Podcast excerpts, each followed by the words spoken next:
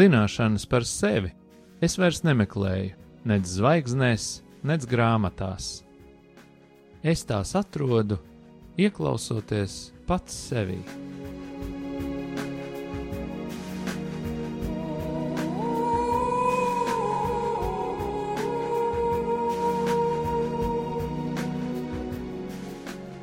Raidījums Mīlestības terapija.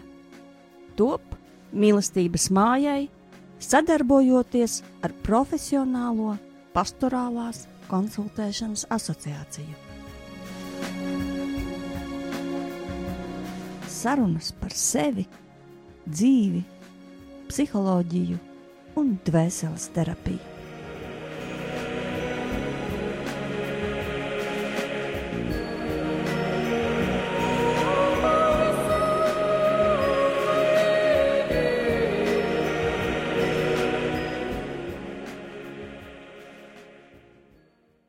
Šodien mūsu tēma ir uh, tikpat vienkārša, cik sarežģīta, un uh, tā ir tēma par seksualitāti. Ja jūs sekojat tam, ka seksualitātes tēmai tiek veltīts sabiedriskajos mēdījos, vai vispār mēdījos, vai sociālajos tīklos, tad patiesībā par šo tēmu tiek runāts diezgan daudz, daudz un dažādās formās. Ir uh, diezgan daudz seksualizētu joku, ir diezgan daudz dažne dažādu visādu līmeņu zinošu vai ekspertu līmeņu cilvēku izteikumu par to, un paralēli tam vēl ar vienu ik pa brīdim ieskanās balsis no dažām sabiedriskajām organizācijām, ka mūsu zināšanas par seksualitāti ir katastrofālā līmenī, jaunieši par seksualitāti neko nezina, viņus vajag izglītot, viņus vajag mācīt, lai viņi zinātu pareizi, lai viņi nu, tā tad varētu adekvāti kaut kā funkcionēt šajā seksualitātes tirgū, kurā tad nu, viņi ir izgājuši.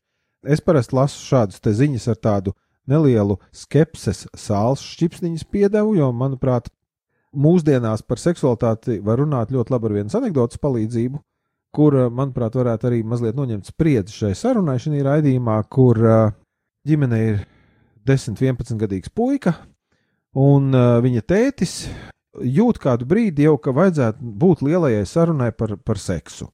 Jo, nu, taču tētim dēlam ir jāpastāsta tās svarīgās lietas, un, un tā. Un tagad tēvs ir nogaidījis vienu konkrētu brīdi, kad mamma ir devusies pasirot pa veikaliem, un puika ir mājās un spēlē datorspēles. Un tēvs ir viens ar puiku, un viņš tagad pienāk pie puikas, un viņš saka, dēliņ, klau, dēliņ, nu, kas ir tēti?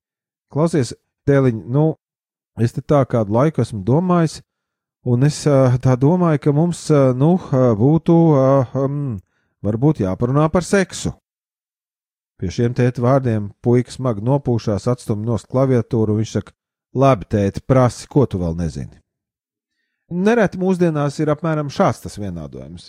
Un tāpat laikā mēs nemitīgi uzdaramies šiem jautājumiem, nu, ka cilvēkiem patiešām ir jautājumi, kā ar to dzīvot, kā to darīt, kā to nedarīt, kā ir veselīgāk, kā ir labvēlīgāk, kā ir visbeidzot pareizāk.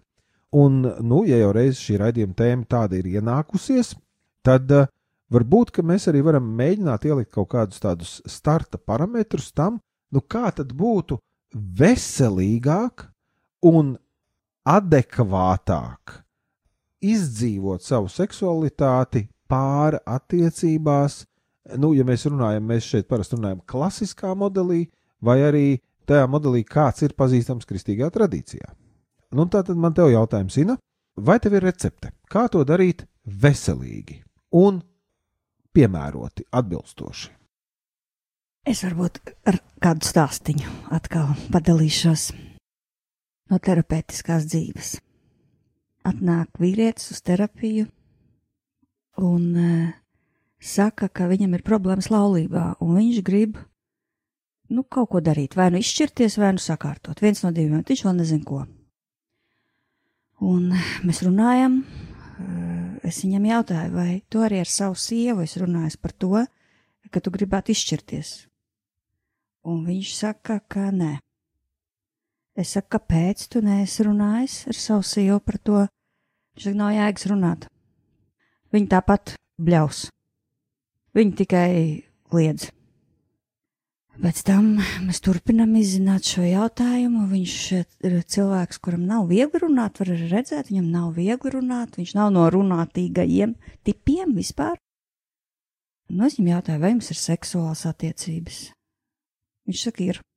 Reiz nedēļā ir. Un eh, es jautāju, nu, un kā? Viņš saka, ē, normāli. Nu, gribētos jau arī, lai viņai gribās, Bet, nu,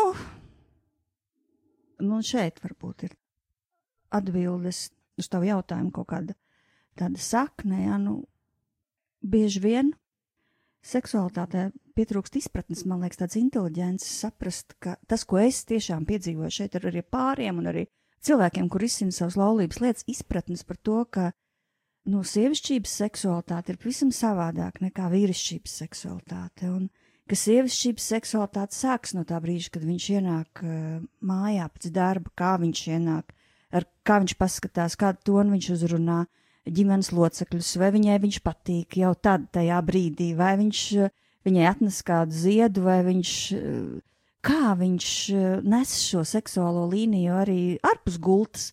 Un tad tā gulta, nu tas kaut kas ļoti dabiski un skaisti, un tas tāds turpinājums, un tur nav šīs pretrunas.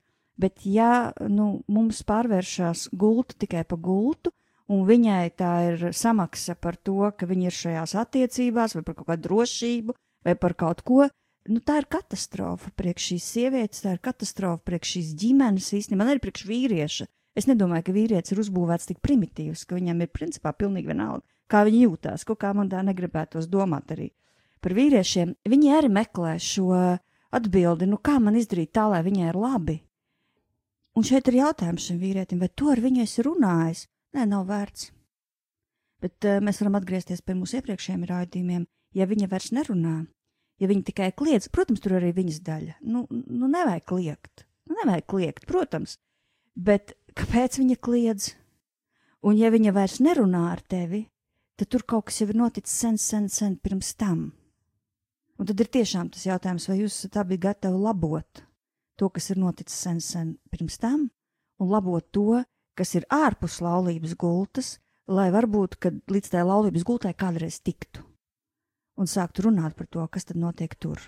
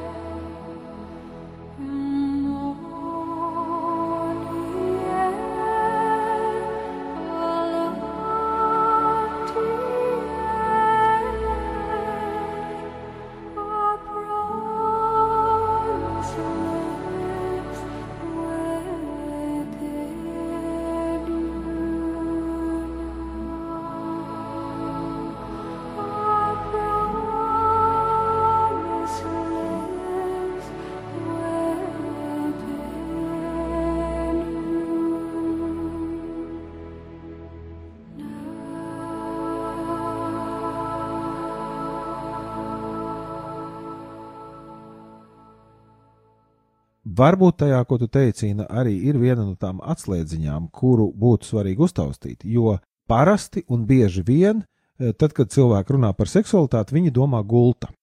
Un uh, tas, es ar pilnu atbildību varu teikt, ir absolūti nepareizi.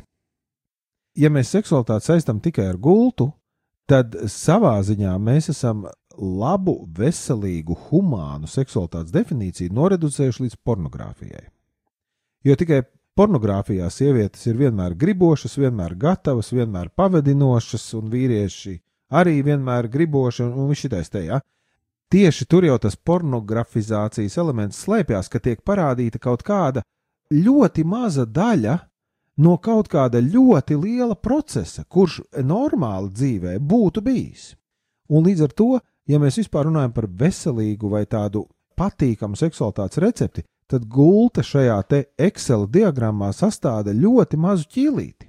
Tās ir beigas kaut kam ļoti, ļoti lielam, kas ir bijis pa priekšu. Seks nekad nav nu, es atvainojos, es tomēr to teikšu, lai arī tas izskan radio Marija ēterā. Tā ir frāze, ko es lietoju bieži arī savā konsultāciju darbā ar pāriem. Es saku, ka seks nenotiek starp kājām, seks notiek starp ausīm. Galvā tas notiek. Tas, kas ir starp kājām, nāk kaut kad ļoti eh, vēlāk. Ir jābūt kārtībā tam, kas notiek starp ausīm. Un, ja cilvēki, mēs šodien runājam par pāri, par vīru, par sievu, par ģimeni, Šie divi pieaugušie ir savu ikdienas dzīvi veselīgi erotizējuši. Ļoti uzmanīgi ar šo vārdu, jo zem šī vārda arī var pabāzt visu kaut ko. Bet tas ir tas, ko tu teici. Uzmanība, ieklausīšanās, maza dāvaniņa, mazs komplimentiņš, mazs prieciņš, ar kurām mēs dalāmies. Tad tā ir tāda ikdienas dzīves erotizācija, kura uzbūvē kopējo sajūtu līdz gultai, kura tad atnāk nu, savā ziņā pilnīgi saprotami abām pusēm. Un, ja tas nav, un mēs fokusējamies tikai uz gultu, vai kā to nereti dara doktori uz seksa tehnikām, nu tagad mums vajadzēs šito darīt tā vairāk, un tad varbūt sanākt labāk. Ja? Nu, tas jau ir gandrīz anekdotiski. Tur pilnīgi nekas nesanāks labāk. Tāpēc, ka nav bijusi iepriekš uzbūvēta visa tā stāsta daļa starp ausīm, jeb ausīm pa vidu, kas notiek galvā. Un, ja tā stāsta daļa ir pareizi uzbūvēta, tad tā, tām beigām būtu jānotiek. Protams, mēs šeit nerunājam par kaut kādiem tiešām, nu, ar cilvēka veselību, tīri ar fizioloģisko veselību saistītām lietām. Nu, tur var būt dažādas diagnozes vai saslimšanas, un tā ir atsevišķa kategorija. Bet mēs runājam par diviem veseliem cilvēkiem, kuri ir noslēguši tātad, uh, laulības savienību vai pāri savienību, un viņi grib būt viens ar otru kopā, tāpēc ka viņi viens otru mīl. Un viņiem ir maz seksa vai nemaz nav, un tad viņiem ir grūti, un tad viņi nāk un mēģina to risināt. Kāpēc nav? Nevis tāpēc, ka viņi ir neveseli vai viņi viens otru negrib, bet tāpēc, ka viņi nav kaut ko izdarījuši, lai viņiem patiešām gribētos. Un tur ir tas suns apraksts, manuprāt. Es nezinu, vai tas ir tas, par ko tu runāji, bet man likās, ka tas bija tas, par ko tu runāji. Tad ir ap seksualitāti no, apvīti arī daudz dažādi mīti, kristīgi mīti. Nu, piemēram, sievai jāklausa vīram, Jā, viņai tas ir jādara, tāpēc tas ir sievas pienākums.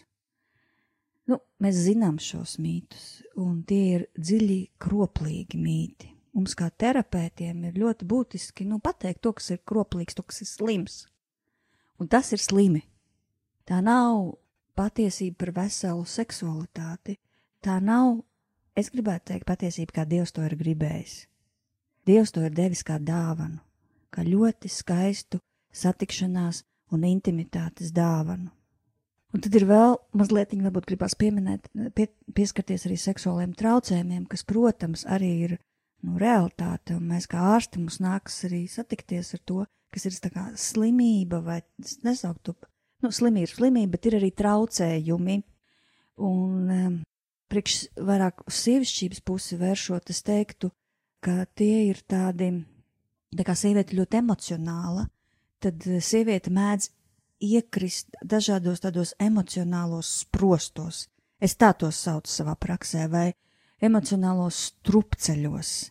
Un ja viņa ir apklususi, ja viņa ir ļoti dziļi aizvainota sieviete, viņa var būt tik dziļi aizvainota, varbūt ne no laulības laikiem, varbūt pat jau pirms, viņa var būt ļoti dziļi aizvainota, ka viņa vīrieti kā sugu nevar pieņemt un viņi saprot, ka viņi ir jāpilda pienākumus, un viņi viņu pilda kaut kā. Bet būtībā viņi viņu negrib. Bet ziniet, kāpēc šī negribēšana rodās? Tāpēc, ka cilvēks nav gatavs celt šo patiesību gaismā, par visu šo savu naidīgumu, par šo savu aizvainojumu, visu šo savu lielo sāpi, kuru būtu jāizrunā, varbūt ne ar vīru. Ja tas traucējums ir dziļš, tad visticamāk ne ar vīru, e, bet e, ir lietas, ir līmeņi, kur jārunā ar vīru. Un ja tiek izslēgta šī saruna, kas ir ļoti bieža lieta kristīgās ģimenēs, nākās ar to satikties šajā terapeitiskajā dzīvē, ja mēs nevaram parunāt par seksu, ja mēs nevaram parunāt par naudu, ja mēs nevaram parunāt par kaut kādām mūsu attiecību lietām, tad tas viennozīmīgi skars seksualitāti visā tās kopumā, jo ir ļoti svarīgi iemācīties runāt par šīm pamat fundamentālajām lietām, kas veido laulību. Ir jāiemācās par to runāt, jāiemācās par to, kā mēs runāt, par to, kā mēs jūtamies gultā, un te mēs atgriežamies pie tā jautājuma, kā runāt un, un kā sarunāties. Protams, tas viss jāmācās, jāmeklē pareizie veidi, bet runāšana par to, kā mēs jūtamies, vai par to, kā mēs nejūtamies, ir pirmā atslēga, kas mūs ved ārā no jebkura strupceļa, no jebkuras prosta.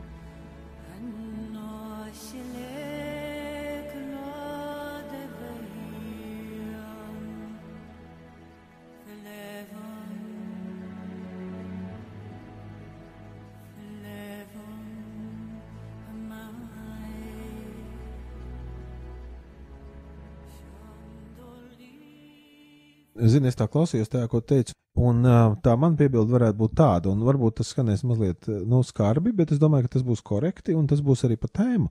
Ja nu gadījumā tas cilvēks, nu, tavā stāstu versijā sieviete ir tik ļoti aizvainojies un sarūktinājies, un es nezinu, ieļaunojies pret vīriešiem kā pret sugu, un vienlaikus viņi tomēr izlēma būt kopā ar vīrieti un sakostiem zobiem pilda kaut kādu pienākumu, bet viss šīs sāpes tur apakšā ir.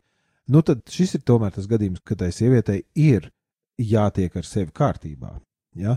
Tātad nerunāt par to, ja mēs runājam, ieliekam tādu strikti kristīgu rāmi, principā nerunāt par to arī ir grēks. Un tajā brīdī, ja tev vīrietis ir adekvāts un tu patiesi neadekvāts, un tu viņu pakļauj šitam ārprātam, ja, tad tu viņu padari principā par upuri bez nekādiem nopelniem, un viņš to nav pelnījis. Nu, tiec galā ar sevi, ja? un, un tieši tā. Nu, tad ir veidi un ir, ir arī vietas, kur var um, atrast, uh, kur sakārtot savu domāšanu vai savus pagātnes traumas kaut kādas vai kaut ko tādu. Eh, jo šī gadījumā tas otrs sanāk bez vainas vainīgais. Nu, tagad viņš ir dabūjis šo buķeti ar to ļoti, ļoti sāpināto un aizvainoto cilvēku, un viņš jau no savas puses droši vien arī nu, mēģina adekvāti mīlēt un vienkārši brīnās, kāpēc tur nekas nesanāk. Tātad šis atkal ir tāds robežu gadījums, bet um, tas, par ko tu runāji, manuprāt, te ir tāda, la, tāda laba analoģija. Es nesen par to diezgan daudz domāju, un es arī kaut ko par to uzrakstīju, kas varbūt kaut kad ieraudzīs dienas gaismu. Varbūt, ja runā par tiem kristīgajiem mītiem, kurus tu pieminēji, tad tie patiešām ir cilvēku izgudroti mīti. Jo patiesībā svētajos rakstos to nav. Ja? Tur nav nekas no tā iekšā. Bet uh, tie mīti, kurus tu pieminēji, tie ir patiešām uh, tādi uh, mīti no sērijas. Viena tante teica, un otra tante pateica tālāk, un tagad visi šito runā, bet svētajos rakstos un tradīcijā jau tas nav.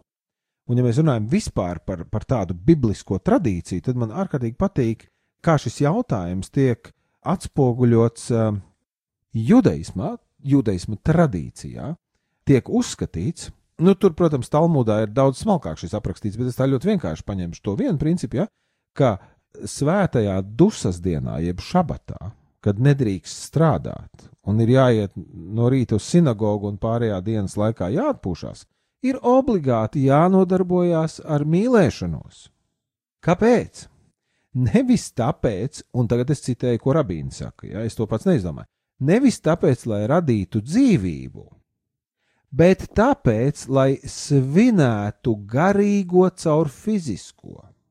Un šis ir fundamentāli bibliski antropoloģijas jautājums. Tāpēc, kad sākumā, ja mēs skatāmies radīšanas stāstā, ko Dievs uztaisa, viņš rada vīrieti un viņš rada sievieti, viņi abi ir radīti Dieva līdzjūtībā, Un ļoti daudz teologi jau no pirmajiem eh, baznīcas vēstures gadiem eh, runā par to, ka tieši šajā savienībā starp vīrišķo un sievišķo, tieši šajā savienojumā arī dievlīdzība cilvēkā izpaužās visspēcīgākajā mērā.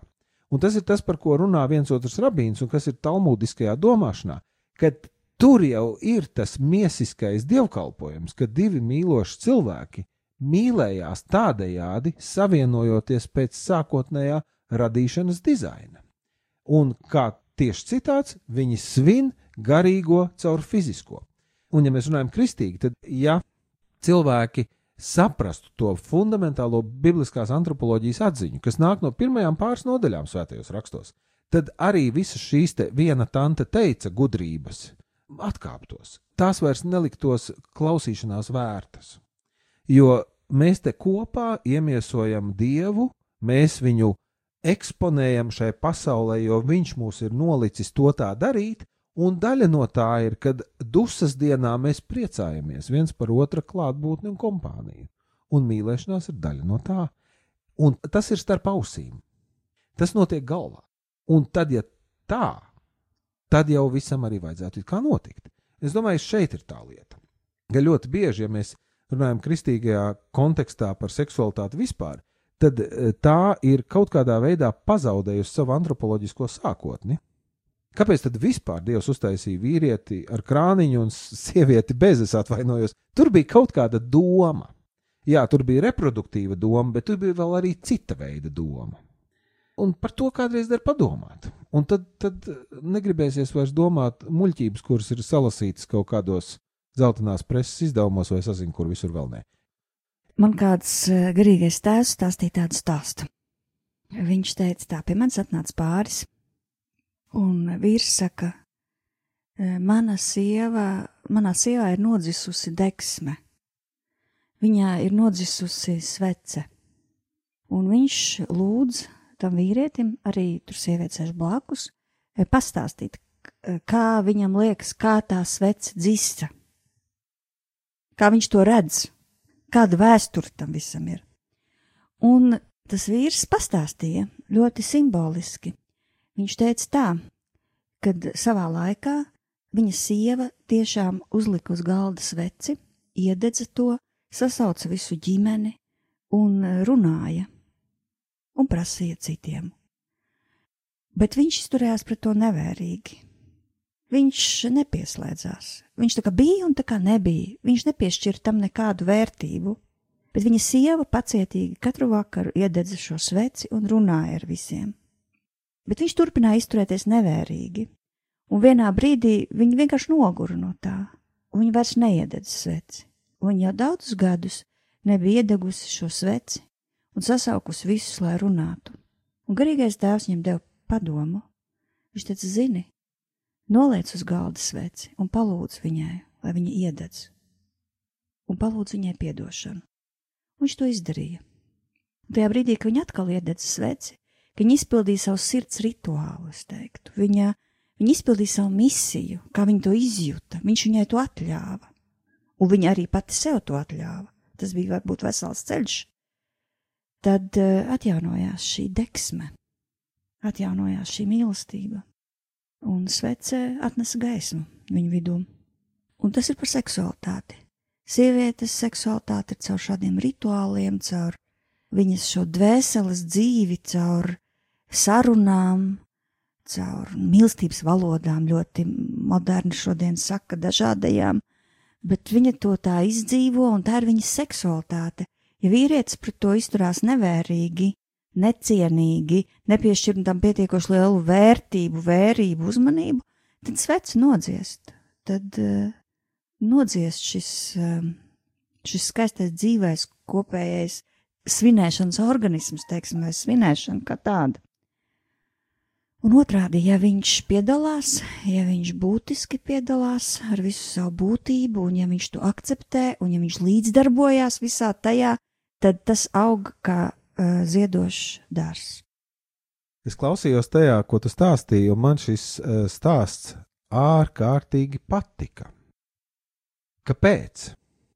Tāpēc, ka, ja es nezinātu, ja tu nebūtu iepriekš pateikusi, ka tas bija garīgais tēvs, un es pieņemu, ka nu, tātad mēs runājam par, par Romas baznīcu, kuras klēpī viss šis notika, tad, ja es nebūtu dzirdējis to, tad es domātu, ka tu runā par rabīnu. Svece un, un sieviete tā, tā ir absolūti neatņemama šabata sastāvdaļa. Jo tad, kad eh, piekdienas vakarā saule ir norietējusi un, un ebreju namā sākās šabata mielasts, tad uz galda tiek uzdedzinātas sveces pirms lūkšanas sacīšanas. Un kas aizdedzina šīs sveces pēc tradīcijas? Tā ir sieviete.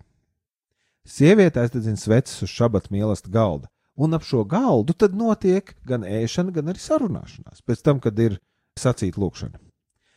Un te jau ir tas antropoloģiskais, nu, tā antropoloģiskā aizķere, kad jā, sievietei ir jādedzina sveces, un ļoti labi, ka tā sieviete kādreiz viņas dedzināja. Es nezinu, vai viņa to bija noskatījusies no ebrejiem, vai viņai pašai likās, ka to vajag izdarīt, bet darīja viņa pareizi. Bet tas, kas notiek šabat mīlestībā, tur visi ir vienā prātā un visi pieslēdzās. Un tad, kad viņi dedzināja to sveci, tad vīriešu uzdevums bija pieslēgties. Protams, ka viņi deva to savu unikālo, fantastisko, to ievadu, to, kas notiek starp ausīm.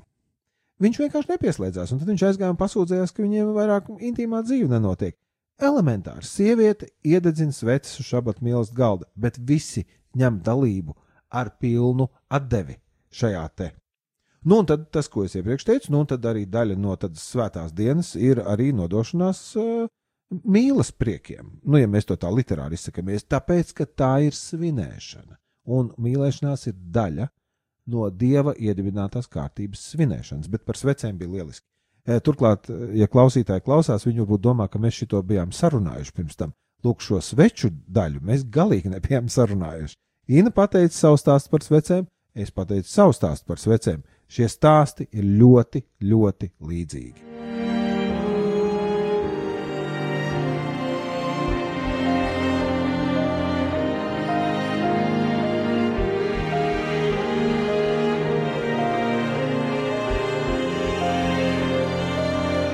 Jā, kad nu viss ir pateikts un izdarīts šajā vakarā, tad uh, mēs gribam domāt un arī palūgt par uh, to, lai tas, kas notiek mūsu galvās, notiek tā, kā tas ir iecerēts un tā, kā tam ir jānotiek, un lai tas vienmēr pēc iespējas noved pie garīgās svinēšanas caur fizisko, caur fizisko, kas mums ir dots, Nevis lai no tā bēgtu, nevis lai to noliektu, bet lai par to pateiktos, lai to baudītu un lai, lai ar to pienestu godu visaugstajam.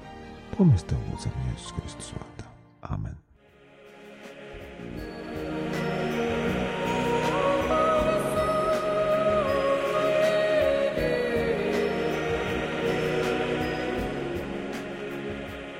Jūs klausījāties raidījumu mīlestības terapija. Raidījums varat noklausīties mājaslapā mīlestības māja.lv vai Latvijas Profesionālās pastorālās konsultēšanas asociācijas Facebook mājaslapā.